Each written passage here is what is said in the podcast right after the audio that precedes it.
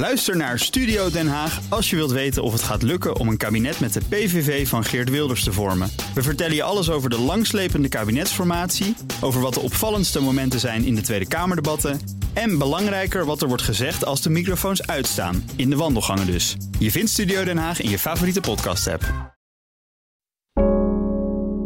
We zien op heel veel terreinen dat marktwerking doorslaat. En het kan doorslaan. En dan ineens ook een, een, een ongelooflijk tegendraads effect krijgt. Doordat het ja, maar minder goed wordt. De vrije markt. Volgens velen de oorzaak van heel wat problemen. Het doorgeslagen kapitalisme. Een economisch systeem dat van alles de prijs kent, maar van niets meer de waarde. Steeds lagere lonen, de schuld van de vrije markt. De lange wachtrijen in de zorg komt ook door de vrije markt. Wel, door af te stappen van de marktwerking in de zorg. Dus een nationaal zorgfonds in te voeren zonder concurrentie en zonder bureaucratie. Woningnood? Ja hoor, weer die vrije markt.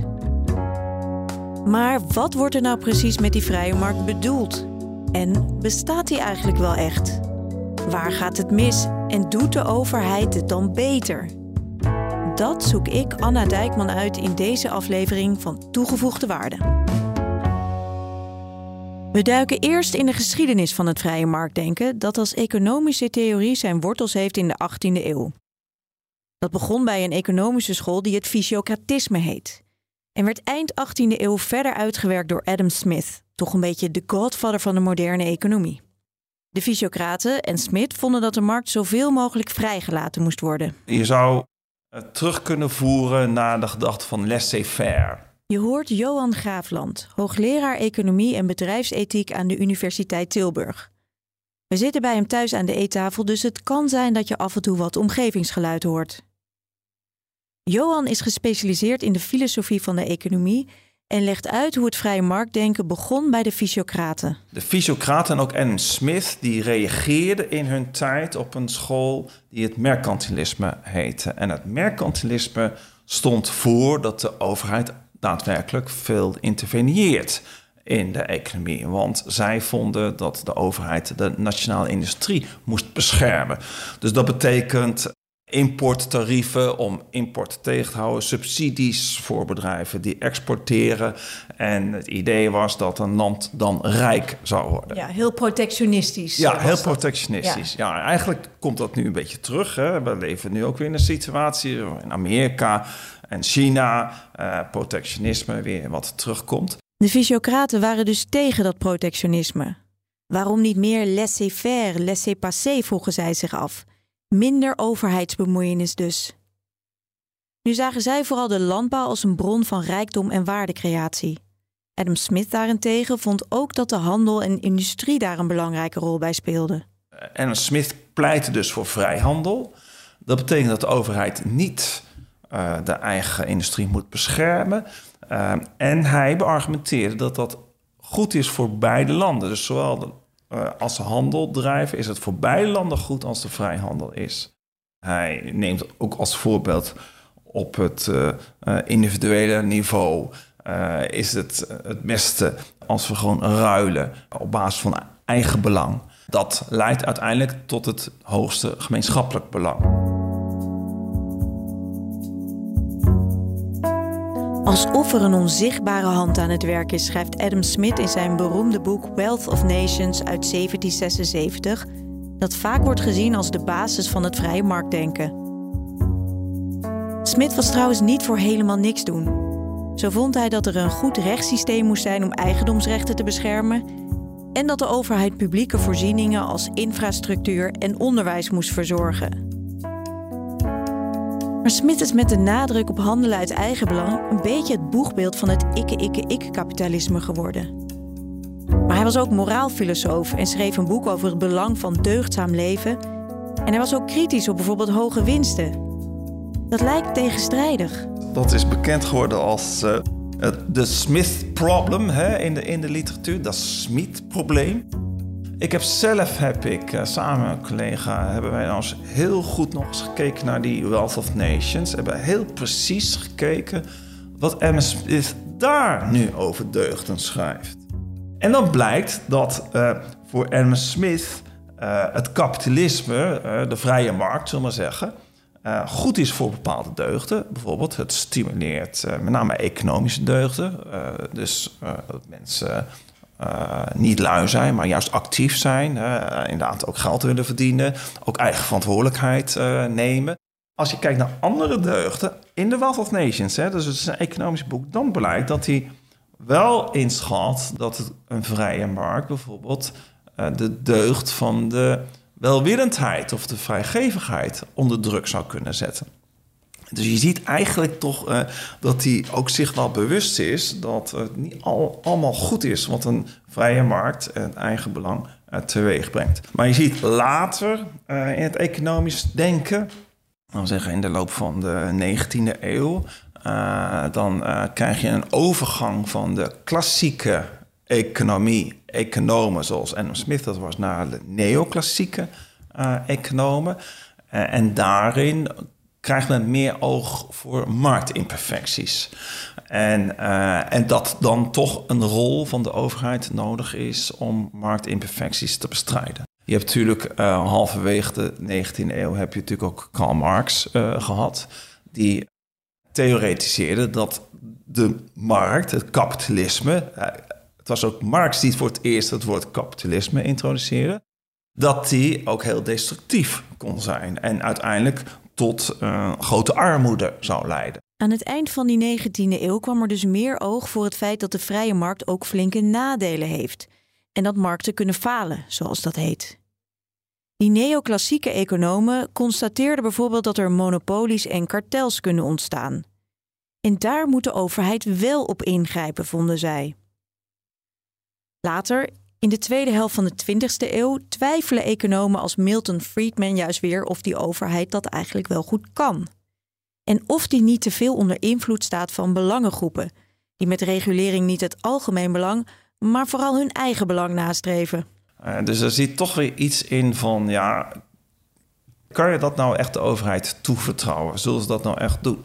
Dus Friedman die, uh, die komt daar eigenlijk op terug en die pleit er dan toch voor uh, om uh, minder, voor minder overheidsregeling. Dat, dat is dus, uh, gaat over concurrentiebeleid, maar het gaat natuurlijk over alle, allerlei andere vormen.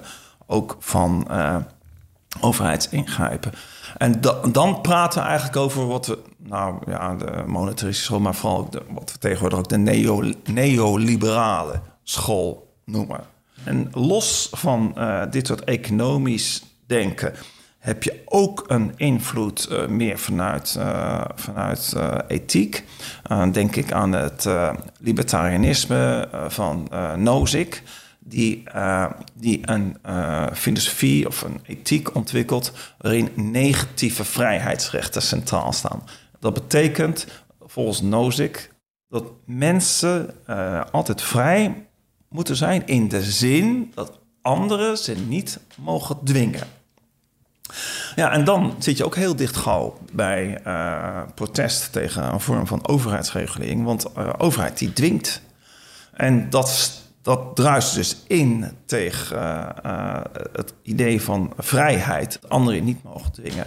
En, en, eigenlijk zie je daar dus ook een, ook een filosofische lijn die tot een verdediging van de vrije markt komt. Dus het heeft zowel economische gronden, maar ook breder filosofische gronden. Daarmee ja, is het ook meer een ideologie. Dat ideologie ook een rol in het denken over de vrije markt heeft, zag je ook al bij de theorieën over marktfalen en marktimperfecties, vertelt Johan. Want daar spelen ook principes als eerlijkheid en rechtvaardigheid een rol. Als een monopolist heel hoge prijzen voor zijn spullen vraagt en consumenten geen andere keuze hebben dan die betalen, kun je je afvragen of dat nou eerlijk is. Er, speelt, er is meer, staat meer op het belang dan alleen de welvaartseffecten van het bestrijden van marktimperfecties. Waar zitten we nu eigenlijk? In welke fase van het economische denken Waar zie je nu invloedrijke denkers? Ja, nou ja, kijk, we, we hebben natuurlijk inderdaad in de jaren 70 uh, eh, Ronald Reagan en uh, daarna hebben we liberalisering, privatisering. Dus we hebben een behoorlijk uh, neoliberale agenda gehad. Waarbij het overigens wel zo is dat als je kijkt naar Nederland, er desondanks heel veel belastingheffing overeind hebben gehouden. En heel veel regulering overeind hebben gehouden. Maar in vergelijking met de tijd ervoor ging uh, de klok ging echt richting meer vrije markt. Uh, dat hebben we dus een heel aantal jaren gekend. Er zijn toch een aantal problemen die steeds urgenter worden, die precies te maken hebben met die kritiek op, het, op de vrije markt. Dat negatieve en externe effecten te weinig geprijsd zijn. Uh, waardoor uh, ja, door eigen belang gedreven investeringen en, en transacties toch schadelijk zijn voor onder andere het milieu. Maar een ander, ander heel belangrijk effect, en dan, dan komt eigenlijk de Keynesiaanse school in beeld. Ja, over Keynes hebben we het nog helemaal niet gehad, terwijl hij toch sinds de jaren 30 van de 20e eeuw een van de invloedrijkste economen is geweest. Hij zag juist een belangrijke rol voor de overheid in de economie, bijvoorbeeld als stabilisator van die economie. In een crisis moet de overheid dan de pijn verzachten en de economie stimuleren, zoals bijvoorbeeld in de coronacrisis gebeurde. Keynes zag ook als nadeel van die vrije markt dat die tot meer inkomens- en vermogensongelijkheid leidde. Dat heeft op zich ook schadelijke effecten. Bijvoorbeeld als, als, uh, als inkomensongelijkheid toeneemt, dan uh, laat ook mijn eigen onderzoek zien dat het vertrouwen tussen mensen afneemt.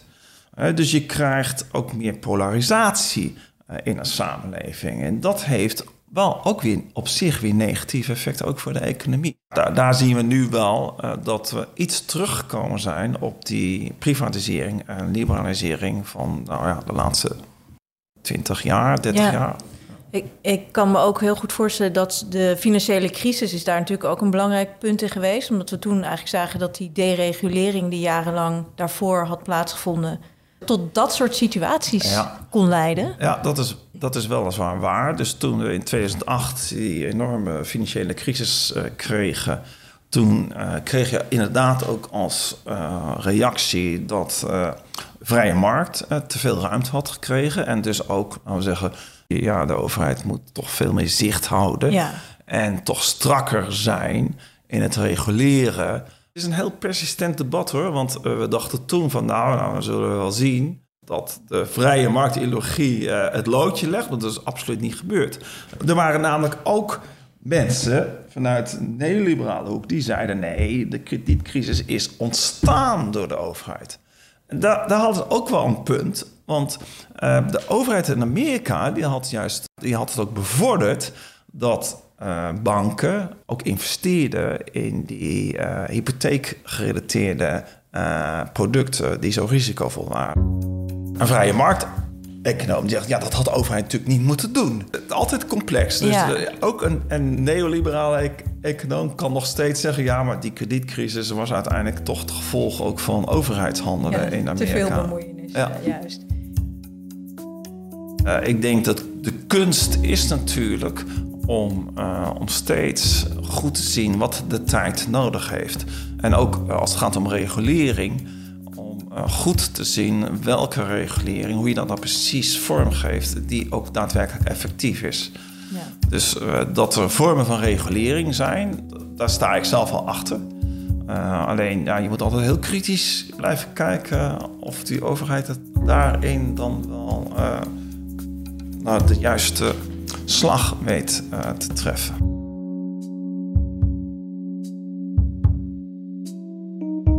Daarover praat ik verder met Barbara Baarsma, hoogleraar toegepaste economie aan de UVA en hoofdeconoom van PwC. Nou, ik kan je nu vertellen, er is niet één markt die niet faalt. Maar dat wil niet zeggen dat de overheid maar moet ingrijpen, want de spiegel van marktfalen is overheidsfalen. Voordat we daar verder in duiken, geeft Barbara eerst een soort mini-college over wat economen nou precies bedoelen als ze het hebben over een perfecte markt. Je hebt een theoretisch concept dat ook wel heet volkomen vrije mededinging of perfect competition.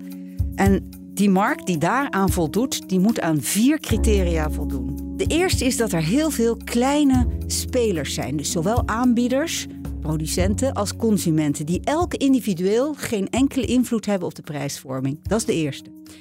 De tweede is dat er geen toe- en uittredingsbarrières zijn voor bedrijven.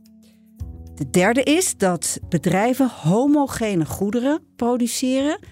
Het maakt dus niet uit of het van producent A, B of C komt. Er zijn geen merken, er is geen productdifferentiatie. Het vierde criterium is dat er volledig informatie is over de prijs, uh, over de kwaliteit van de goederen, nu, maar ook in de toekomst. Nou, je hoort het al. In praktijk is nooit nee. aan deze voorwaarden voldaan. Precies. En zullen markten altijd falen? Ja, helaas. Het is een mooi theoretisch concept, die perfecte markt. Maar markten blijken in de praktijk te falen. Barbara legt uit dat economen vier manieren van marktfalen onderscheiden. Het eerste marktfalen is monopolievorming, marktmacht. Bedrijven die wel degelijk invloed op de prijsvorming hebben en grote monopoliewinsten kunnen maken. De tweede is externe effecten. Dat wil zeggen dingen die van waarde zijn voor ons allemaal, dus van waarde voor onze welvaart, maar die geen prijskaartje hebben. Milieugoederen is vaak een voorbeeld. Milieuvervuiling bijvoorbeeld heeft een negatief extern effect. Maar je hebt ook positieve externe effecten, bijvoorbeeld het genieten van onderwijs. Doordat mensen investeren in hun opleiding, wordt de beroepsbevolking als geheel ook hoger opgeleid. En dat is goed voor de productiviteit in een land.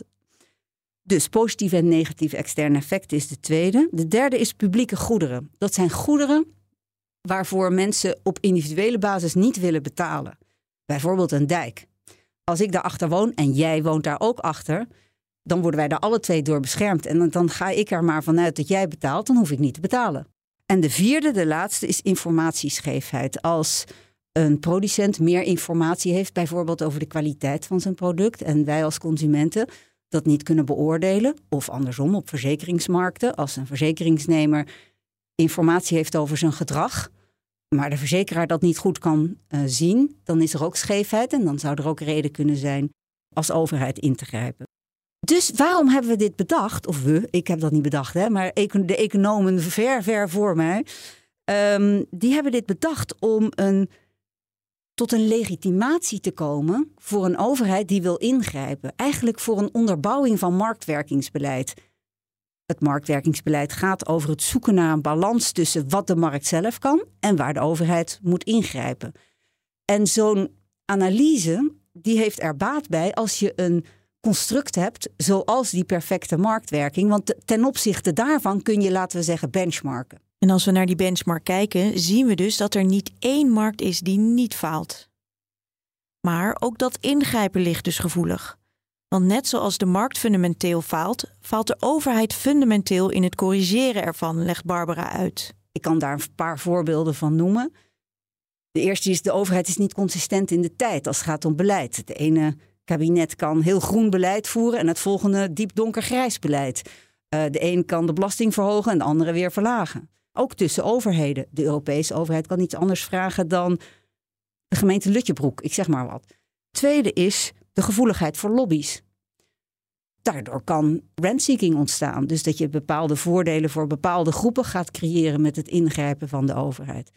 En een andere vorm is informatieachterstand. De overheid heeft vaak niet de informatie over bijvoorbeeld de kosten van iets of wat voor technologie er beschikbaar is. Dus die weten eigenlijk niet goed hoe ze moet normeren of reguleren. Maar weten we iets uit bijvoorbeeld wetenschappelijk onderzoek waar die balans bijvoorbeeld ligt of wanneer overheidsingrijpen te veel is of juist te weinig? In het algemeen, hoe een econoom begint te denken, en ik licht dat toe omdat dat anders is dan hoe niet-economen beginnen te denken over een bepaald beleidsprobleem, zoals de zorg, zoals het onderwijs of de woningmarkt, volkshuisvesting, um, dan begint de econoom te denken bij de markt. Niet omdat de econoom denkt de markt is superieur aan de overheid, maar om, ik noem twee redenen waarom dat het geval is. De eerste is dat um, overheidsingrijpen altijd betekent dat de overheid zijn machtsmonopolie inzet om individuele vrijheden van burgers en bedrijven in te perken, te sturen. En het inperken van individuele vrijheden in die uh, economie waarin wij leven, de samenleving waarin wij leven, ja, dat heeft wel legitimatie nodig. En die legitimatie kun je alleen vinden als je begint te kijken naar de markt en kijkt waar die de bocht uitvliegt. En dat de bocht uitvliegen kan een legitimatie opleveren. De tweede reden waarom economen beginnen bij de markt is omdat um, het voorkomt dat je in een cirkelredenering vastloopt. Uh, waarom? Nou, eh, het primaat van de politiek, bijvoorbeeld politicologen, en soms ook juristen, die de, doen dit wel. Die zeggen iets is een publiek belang, dus een reden voor overheidsingrijpen, omdat het ehm, onder de verantwoordelijkheid van de overheid valt. En het valt onder de verantwoordelijkheid van de overheid omdat het een publiek belang is. Daar kan een econoom helemaal niks mee. Dus die stelt daar tegenover die analyse die begint bij marktfalen. En dan de afweging maakt met overheidsfalen. Maar je begint dus bij marktfalen.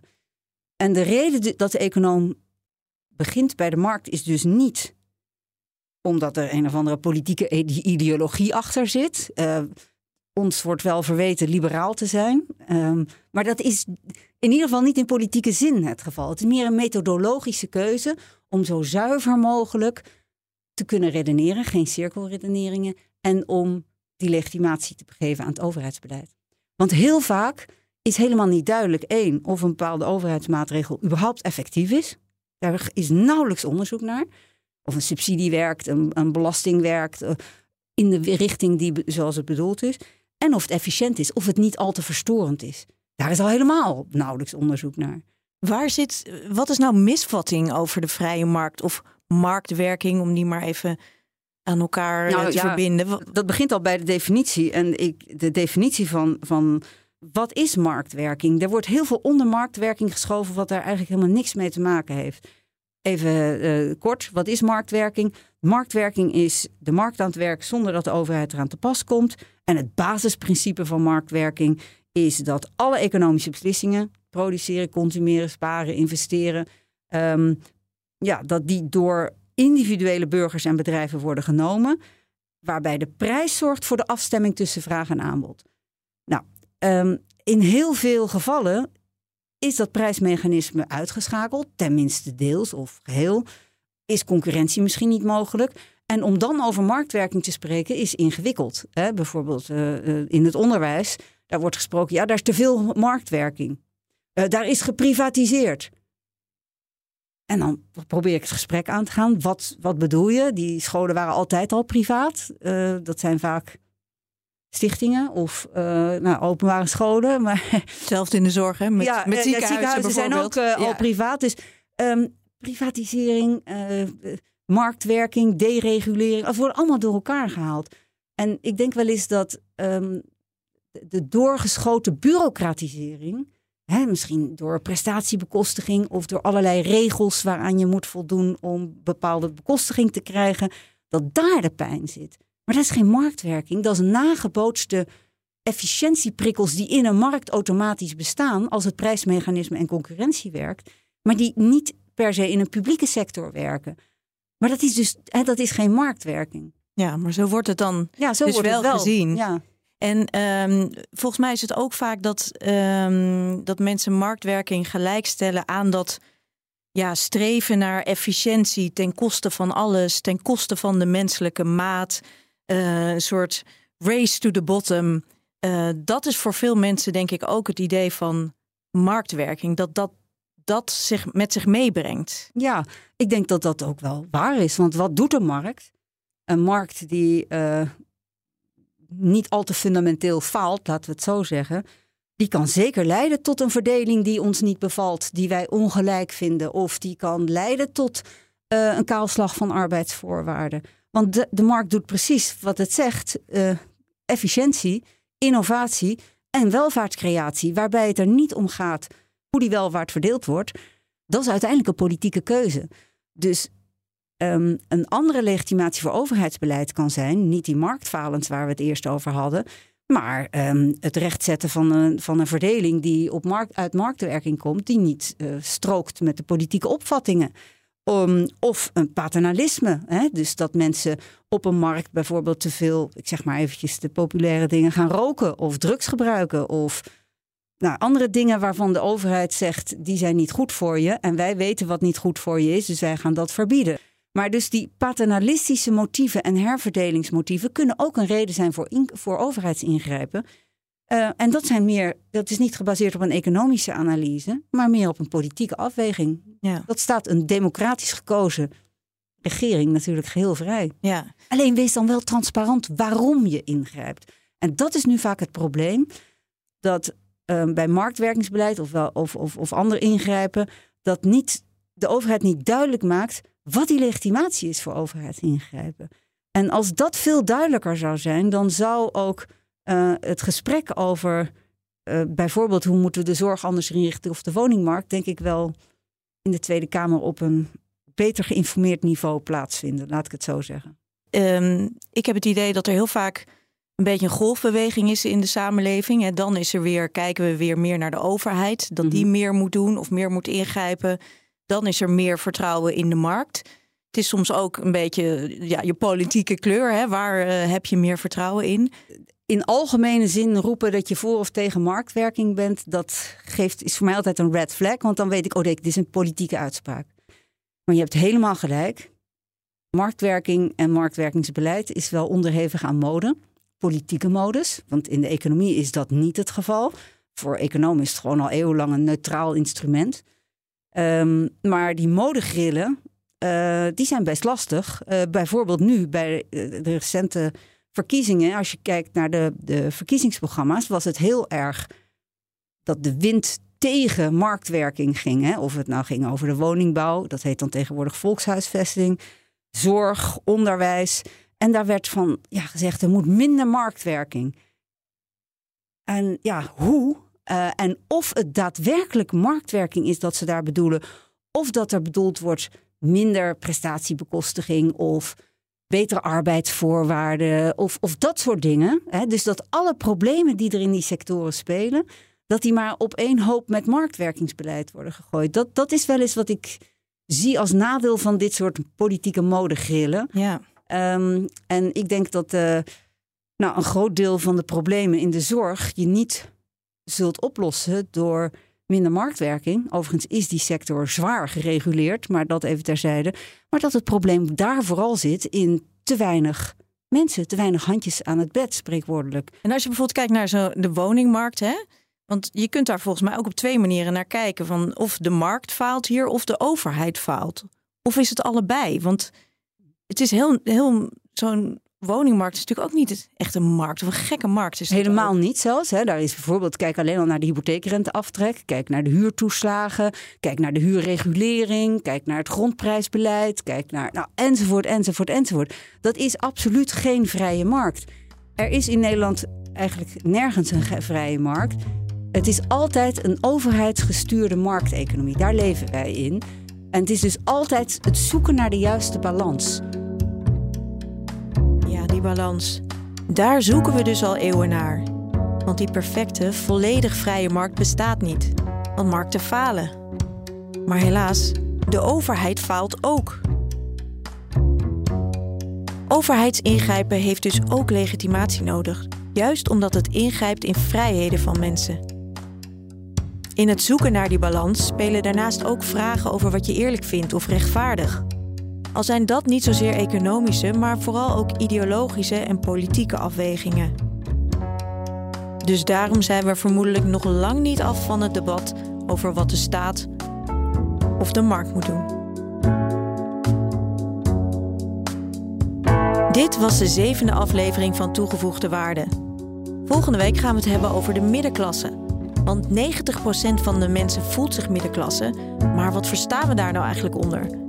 Welke rol speelt de middenklasse in de economie en staat ze onder druk? Heb je opmerkingen of vragen? Mail ons dan op podcast.fd.nl of stuur me een DM op x, Anna. Redactie en montage van deze podcast was in handen van Jilda Bijboer en van mij. De muziek komt van Gijs Vriezen. Dank voor het luisteren en tot de volgende keer.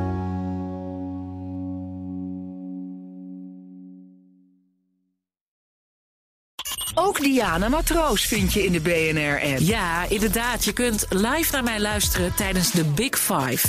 Ook handig in de BNR-app. Breaking nieuwsmeldingen, maar ook het allerlaatste zakelijke nieuws. En je vindt in de app alle BNR-podcasts, waaronder Wetenschap Vandaag. Download nu de gratis BNR-app en blijf scherp.